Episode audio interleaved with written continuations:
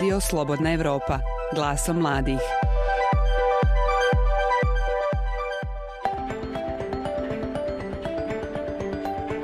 Promene koje se dešavaju na svetskom nivou u načinima na koji ljudi rade i pre pandemije covid dovele su do prelaska sve više ljudi na takozvanu gig ekonomiju, povremene i honorarne poslove koji se rade za veći broj klijenata. Sa konceptom rada od kuće zbog COVID mera ideja rada na daljinu postaje sve više uobičajena. Tome pomaže i digitalna transformacija poslova, koja omogućava sve većem broju mladih da poslove obavljaju preko interneta. Ovaj trend došao je i u Srbiju, gde se mladi okreću u zaradama od honorarnih poslova i usluga koje pružaju za više klijenata, baveći se digitalnim marketingom, prodajom fotografija na internetu, izradom sajtova ili upravljanjem nalozima na društvenim mrežama, a za klijente. Ja sam Peđo Rošević, a u ovom izdanju podcasta Glasom mladih. Slušajte kako doći do prvog honorarnog posla, kako zadržati klijenta, kako izgleda raditi za klijente širom planete, ali i više o tome šta su prednosti i mane ovakvog posla. To saznajemo od mladih koji već godinama rade u ovoj industriji. Na kraju ćemo čuti šta kaže direktorka HR-a u novoj e-commerce kompaniji Ananas, Nevena Radovanović. Šta je to što mladi žele od posla, kako ih privući na neko radno mesto i kako se razlikuju njihova profesionalna interesovanja od interesovanja nas, sredovečnih. Razgovarali smo sa četvorom mladih digitalnih radnika koji učestvuju u gig ekonomiji, svako na svoj način – kako bismo čuli više o tome šta su prednosti takvog načina posla, šta on podrazumeva, ali i šta su i mane takvog rada. Naši sagovornici su Ljubica Jevremović, Aleksandra Janković, Marko Tijosavljević i Boris Krstić. Ono što je najčešće problem mladima jeste kako da dođu do prvog posla u situaciji u kojoj nemaju da pokažu šta su ranije radili, niti da dokažu svoje veštine i za šta su sve sposobni. Ljubica, Marko, Boris i Aleksandra ukazuju na to da je u tom slučaju neophodan dobar portfolio, ali i mnogo posvećenosti i upornosti. Nakon nekih 15 poslatih propozala na Upworku našla sam klijenta za kog radim i dan danas. Eto, prošlo je tri godine od sad. Standardnim načinom, e, preporukom od e, druge neke osobe. Pa moram, to, moram da kažem da sam taj posao, do tog posla došao slučajno. Prvo sam krenuo ko je bio zaposlen, da kažemo dečko pre mene koji je bio zaposlen, počeo sam počeo sam njemu, e, njemu da pomažem sa tim, to je tako, da kažemo, spontano krenulo, posle toga je on otišao sa te pozicije, mene je predložio za tu poziciju i tako sam dobio posao. Do prvog posla sam došla preko prakse. E, tokom e, studiranja sam e, volontirala u jednom studiju na fakultetu nakon studija sam e, otišla na praksu u PR agenciju, pošto sam završila novinarstvo na Fakultetu političkih nauka i nekako e, komunikologija je bila logična nastava kako nije novinarstvo. Međutim, tokom prakse u PR agenciji sam shvatila da to nije sfera koja mene interesuje, već da bih voljela da se bavim marketingom i to digitalnim marketingom u užem smislu, to je bilo pre nekih pet godina. Jedna od odlika gig ekonomije jeste da sve više postaju važni kontakti i iskustvo u odnosu na formalno obrazovanje.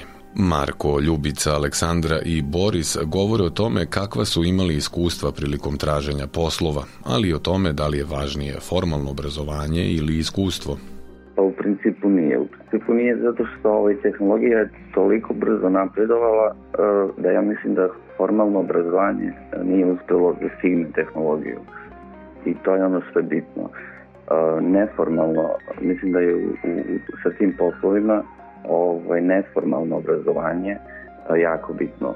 Odnosno, ti mali kursevi online koji mogu da se pronađu, recimo Google ih ima, Upwork ih ima, i mnoge druge velike kompanije. Ja sam na Upwork izašla kao, kao grafički dizajner. U tom trenutku sam bila student, ali e, posao nisam pronašla u toj struci. Trenutno se bavim video produkcijom u kojoj sam ušla kao ono, totalni amater, pa sam vremenom napredovala u tome i, i procenila da mi je polje da, da nastavim sa tim nego da završavam grafički dizajn. Ono, otišla sam u četvrte godini jer nisam videla neku vrednost da ostajem ovde na faksu jer kvalitet obrazovanja ovde barem u Kragujevcu i nije na tako nekom visokom nivou i eto nastavila sam da se sada bavim videoprodukcijom. Pa sigurno da jeste.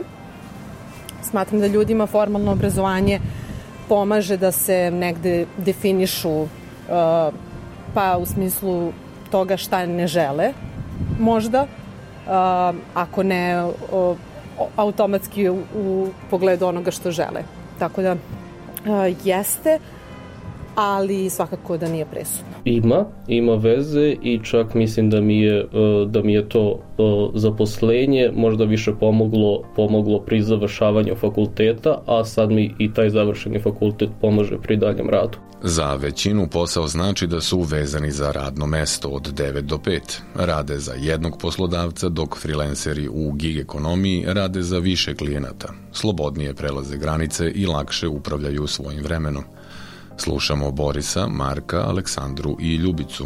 Prednosti kod stalnog zaposlenja mislim da je dosta sigurnije, da manje, ima manje radnih sati, da imaš određeno radno vreme od, od kad do kad radiš, da je lakše da se, logistički, ja mislim da se organizuješ sa jednim, jednim poslom. Ja svakako preporučujem ovaj, ovakav način posla zato što se ne vezuje ni za jednu kompaniju, daje vam ogromnu slobodu da možete raditi bilo gde na planeti Zemlji, bukvalno možete raditi u selu samo sa dobrim dobrom internet konekcijom. Svakako, ono što sam kao prednost videla jeste da uh, možete sebi da, uh, da odredite radno vreme, uh, da se učite da budete odgovorni da pravite prioritete, jer uh, to negde dolazi sa tim. Znači, niko ne postavlja prioritete za vas, već to sve radite sami Tako da u tom smislu je jako važno za mladu osobu dok je još uvek mlada da shvati koliko je odgovornost i prioritizacija bitna u poslu. Velika je verovatnoća da ćete zaraditi mnogo više para nego, nego da se zaposlite ovde u Srbiji, ne znam, u nekoj firmi.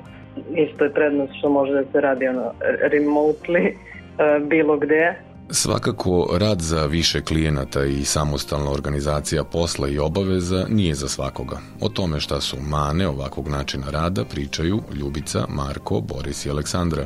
A neke mane, pa recimo što, što nemamo plaćeno odsustvo, odmore i, i tako dalje, mislim. Ja u suštini kontrolišem sve to i kada ću da idem na odmor i i tako dalje, ali, ali to mi nije plaćeno. Mano što onako treba, treba da prođe određeno vreme dok, dok se dođe zapravo do klijenta jer mnogo je ljudi na tim platformama, velika je konkurencija i onako preporučila bih drugima da se ne obeshrabruju ako, ako im ovaj ne ide, samo neka šalju te propozale i, i, i neko, neki klijent će doći već. Samo mane su to što, što u principu morate da radite dva posla. Jedan je prodaja vaših usluga, a druga, su, druga je posao na, na, na uslugama. U principu postoje te online platforme, to što su Upwork, u našem slučaju 99 uh, Designers i tako dalje, koje mogu da vam pomognu u, ovaj, u pronalaženju klijenata. A opet kad radiš više, više poslova, mislim da to iziskuje više i organizacijonih sposobnosti i da tu neretko dolazi do sudaranja, sudaranja obaveza sa dva različita, sa dva različita posla. Što se tiče mana, pa ja ih ne vidim toliko.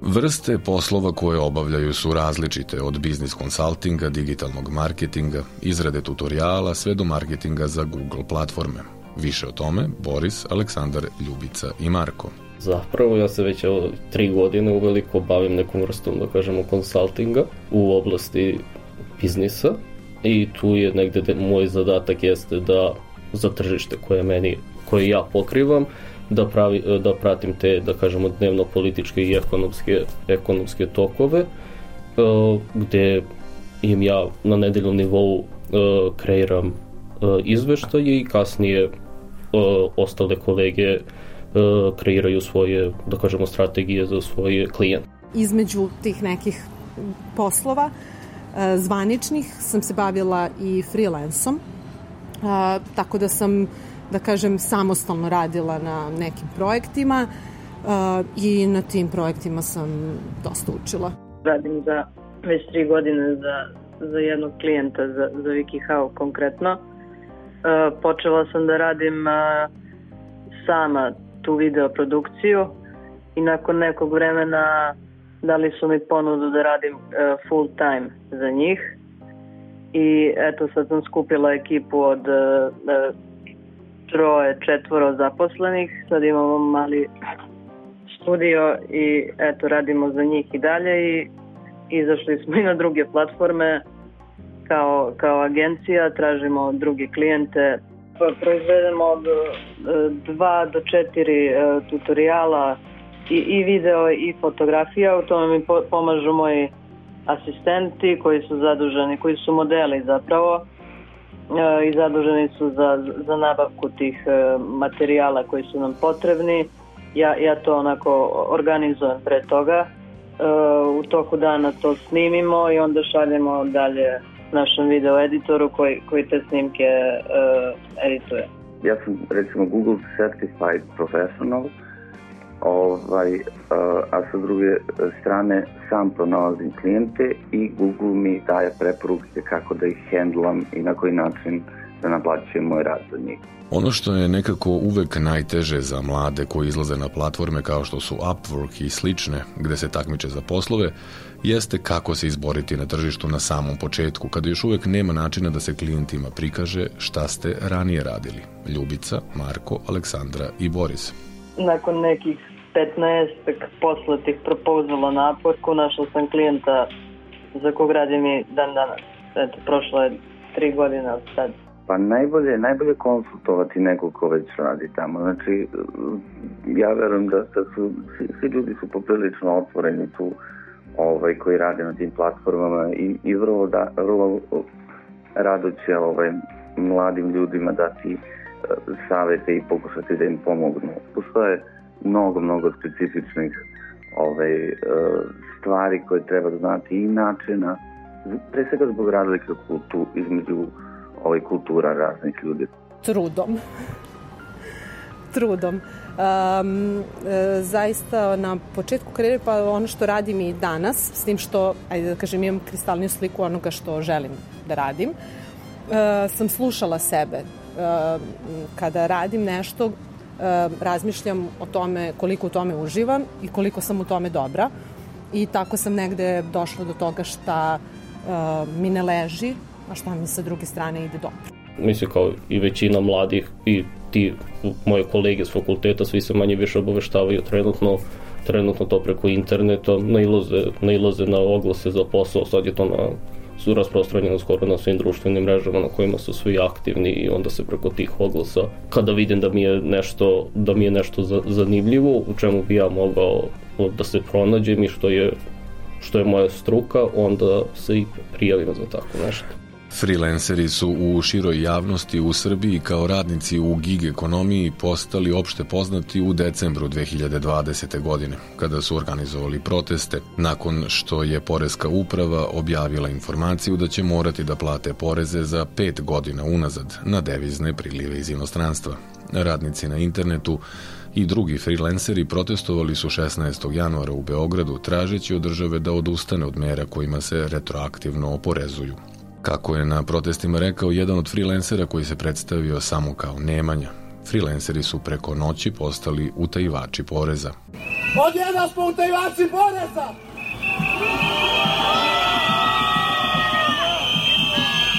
Odjedno smo ljudi koji žive na grbaci ove države. Da li smo to mi?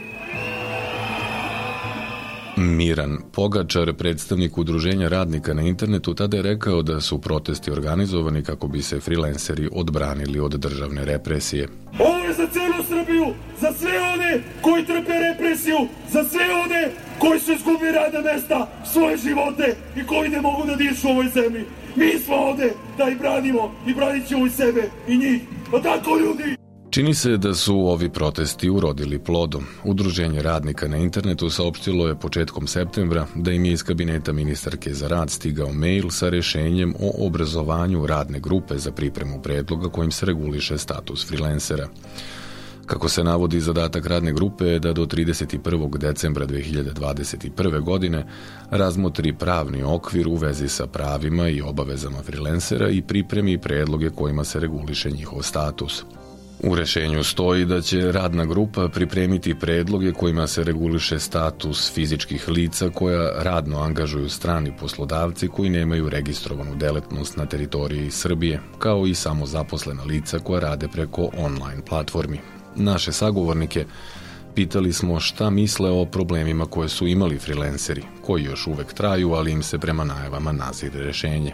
Marko, Boris, Ljubica i Aleksandra to je onako gray area, siva area, odnosno eh, ja ne znam koje su finalne odluke naše države eh, što se tiče tog poreza, ali ovaj, mislim da u svemu, celom tom procesu pronalaženja posla, plaćanja, eh, da freelanceri dosta plaćaju porez na nekim drugim mestima u državama i tako dalje. I iskreno, iskreno da budem, ovaj, to dosta pogađa freelancere, a ja mislim da moje mišljenje da država treba tu zapravo uh, da pomogne freelancere kako bi uh, kako bi taj deo ovaj, posla, uh, načina rada i uopšte posla u ovoj državi ovaj, rastao. Mislim da nije dobar, da nije dobro da nije nađen, da kažemo, dobro rešenje, rešenje za to, jer uh, ja iz i poznanstava nekih znam ljude koji su tako uh, zarađivali na taj način i nisu, nisu plaćali porez, a to su ljudi mahom koji su se bavili uh, programiranjem i tom IT industrijom koja je jako dobro plaćena i na taj način su zaradili dosta para na koji nisu na ko, uh, za koji nisu platili porez a opet s druge strane znam i neke ljude na koji su isti taj način uh, zaradili neke minimalne minimalne cifre da su predavali engleski ili tako nešto. I onda govorimo to ljudima koji su z, uh, zarađivali nekih 300-400 dolara i ljudima koji su zarađivali po 3-4 hiljade dolara ili evra i onda se za sve njih našlo isto, isto rešenje. Mislim da to da tu mora da se, da se razluči da ovi, da bude faktički proporcionalno koliko je ko zaradio, da se na osnovu toga oporezuje i sad ako si manje zaradio, manje će plaćati, a veće veće da kažemo posledice će snositi oni koji su mnogo zaradio. Svakako nas pogađa, ono, nije, nije da nije, nije ba, baš fair prema freelancerima, jer freelanceri plaćaju već porezi i platformama, plaćaju uslugu platformama na koje rade i to nije neka baš, nije baš mali procenat, tako da ne, ne znam, srećno. Nađete način da se izvučete iz toga. Mislim da tu negde postoji problem u tom periodu kada je to bilo nerešeno uh, sa zakonodavnog aspekta. Tako da mislim da će se desiti da će se rešiti tako što će se uh, zakonodavno uspostaviti neka legislatura i da će se zapravo onda ljudi prilagoditi tome. Ljudi će nastaviti da rade kao freelanceri, to će imati i to nije nešto od čega freelanceri beže, postojeći sistem, postojeći proces rada, mladi ljudi će to poštovati i gradit će svoju karijeru. Pred kraj čućemo razgovor sa Nevenom Radovanović, HR direktorkom Ananasa, e-commerce platforme koja uskoro planira da uđe na tržište online kupovine u Srbiji, koje je još u povoju i koja kroz svoj posao jeste u neprestanom kontaktu sa mladima koji traže posao. Šta savetujete mlade kako da dođu do prvog posla? A, mislim da je upornost tu najvažnija i proaktivnost. A, primjera radi, a, ja sam juče popodne dobila preko LinkedIna jedan CV jednog mladog čoveka i zakazali smo već intervju za sledeći petak. Onda recimo jedan od drugi primer je, je pošto kompanija Anana se nalazi u okviru Delta House-a, nama je dole u ovaj u suterenu imamo ovaj, jednu, jed, jedan lokal i zapravo kroz neko ćaskanje sa zaposlenim iz lokala se ispostavilo da je jedan od momaka koji tamo radi zapravo studira ETF i developer je. Onda smo krenuli da ćaskamo na tu temu i dečko smo poslali ponudu za posao. Znači, mislim da je samo važna radoznalost i kreativnost i da nema blama i da ništa nije blam i, ovaj, i da će to omogućiti e, mnogo lakši i brzi, brže dolazak do ljudi koji donose odluke za zapošljavanje. Ne kažem da sam ja kao HR ta koja donosi odluku, ja sam deo odluke, ali je suština znači da ljudi koriste ono razne mreže, kanale da bi došli do ovaj do poslova koje žele. Sa druge strane e, postoje kompanije koje nude različite programe za mlade ljude, kao na primjer što Delta ima program mladih lidera, Ove, I sada je bio raspisan konkurs za desetu generaciju mladih lidera. E, Ananas kao deo kompanije je ovaj, učestvuje u tom programu i evo ja mogu da kažem da je nama od početka ove godine kroz program e, prošlo negde oko desetak ljudi samo u Ananasu i od tih desetak ljudi mi smo za sada zadržali njih četvoro, a verovatno ćemo zadržati još neke od njih. Znači, mi ohrabrujem ljude da prate šta se dešava, da se prijavljuju na konkurse, pogotovo za, za mlade ljude. Postoje različiti projekti pored ovog deltivnog mlade lideri, postoji recimo i moja prva plata, koja isto dala jako dobre rezultate. I drugo, ono što se sada dešava, što je do, preko, do pre koju godinu bila misalna imenica, jeste da su danas u kompanijama i prakse plaćene. Znači, mislim da posla ima, nažalost ljudi nema, ovaj, tako da samo proaktivnost i upornost. A koliko misliš da je važno formalno obrazovanje danas kada govorimo o prvom poslu? Mm, pa ako abstrahujemo činjenicu da, ono, da je recimo za određene struke neophodno formalno obrazovanje, na primjer za medicinu, ovaj, postoje određena radna mesta gde formalno obrazovanje nije nužno. Po meni ono što je negde najvažnije kada pričamo o bilo kom kandidatu za posao jeste stav Ovaj, svaki posao se ono, da naučiti, ali ne mislim pritom YouTube učenje, nego mislim na, na, na pravo učenje. Ovaj, ali da e, ako ovaj, postoji pravi, pravi stav i ukoliko se imaju neke prave vrednosti, da onda svaki posao može da se nauči i da je stav e, taj koji će otvoriti vrata.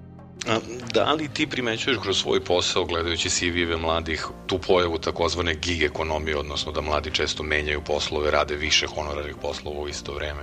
Da, primećujem i mislim da je to super.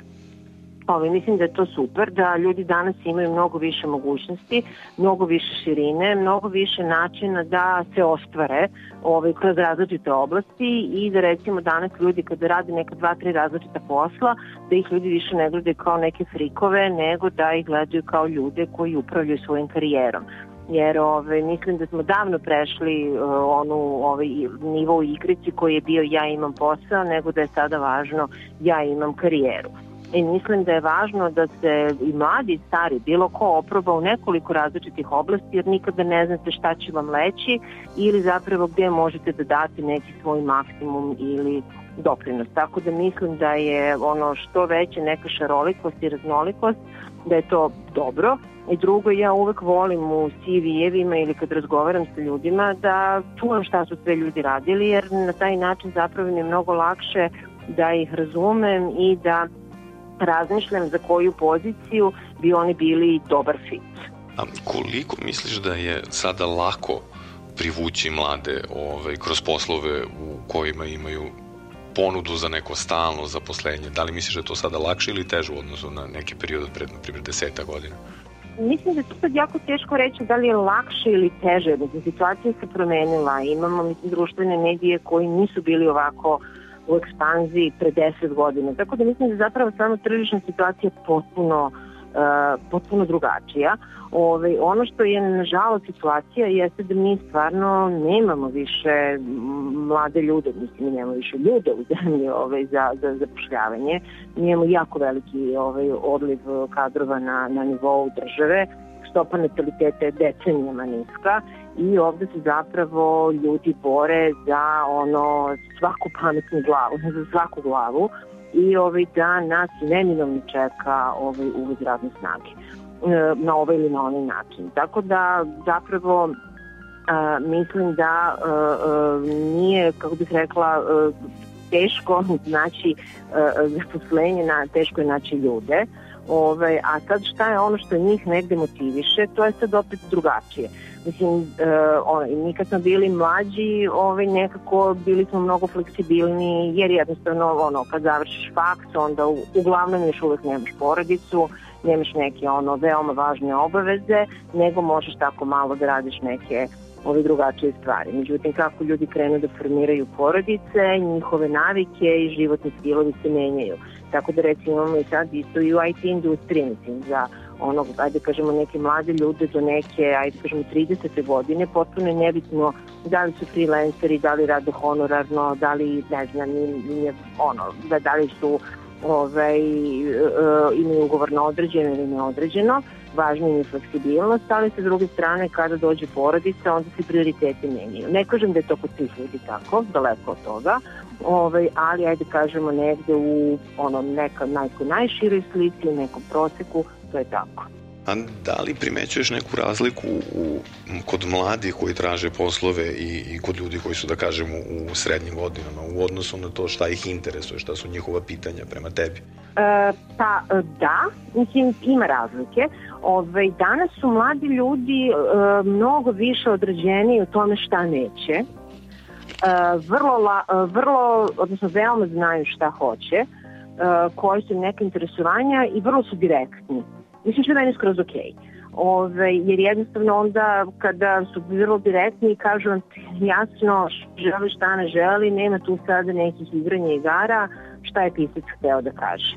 Ove, te u tom kontekstu je ove, komunikacija sa njima mnogo, e, mnogo otvorenija i direktnija. E, I oni su dosta fleksibilni. E sad, korona nam je donala tu kompletnu fleksibilnost i Evo recimo pre dva dana sam videla da je PricewaterhouseCoopers u Americi rešio da za 40.000 svojih zaposlenih omogući da od uvek, odnosno za uvek rade od kuće što je, kako bih rekla, pre tri godine bilo verovatno nisana imenica.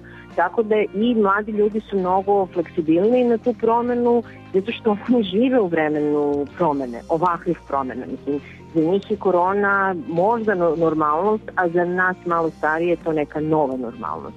Ali za klince koji su krenuli u školu tokom korone, njime to, oni ne znaju za drugo, oni nemaju drugo iskustvo, njime to cool.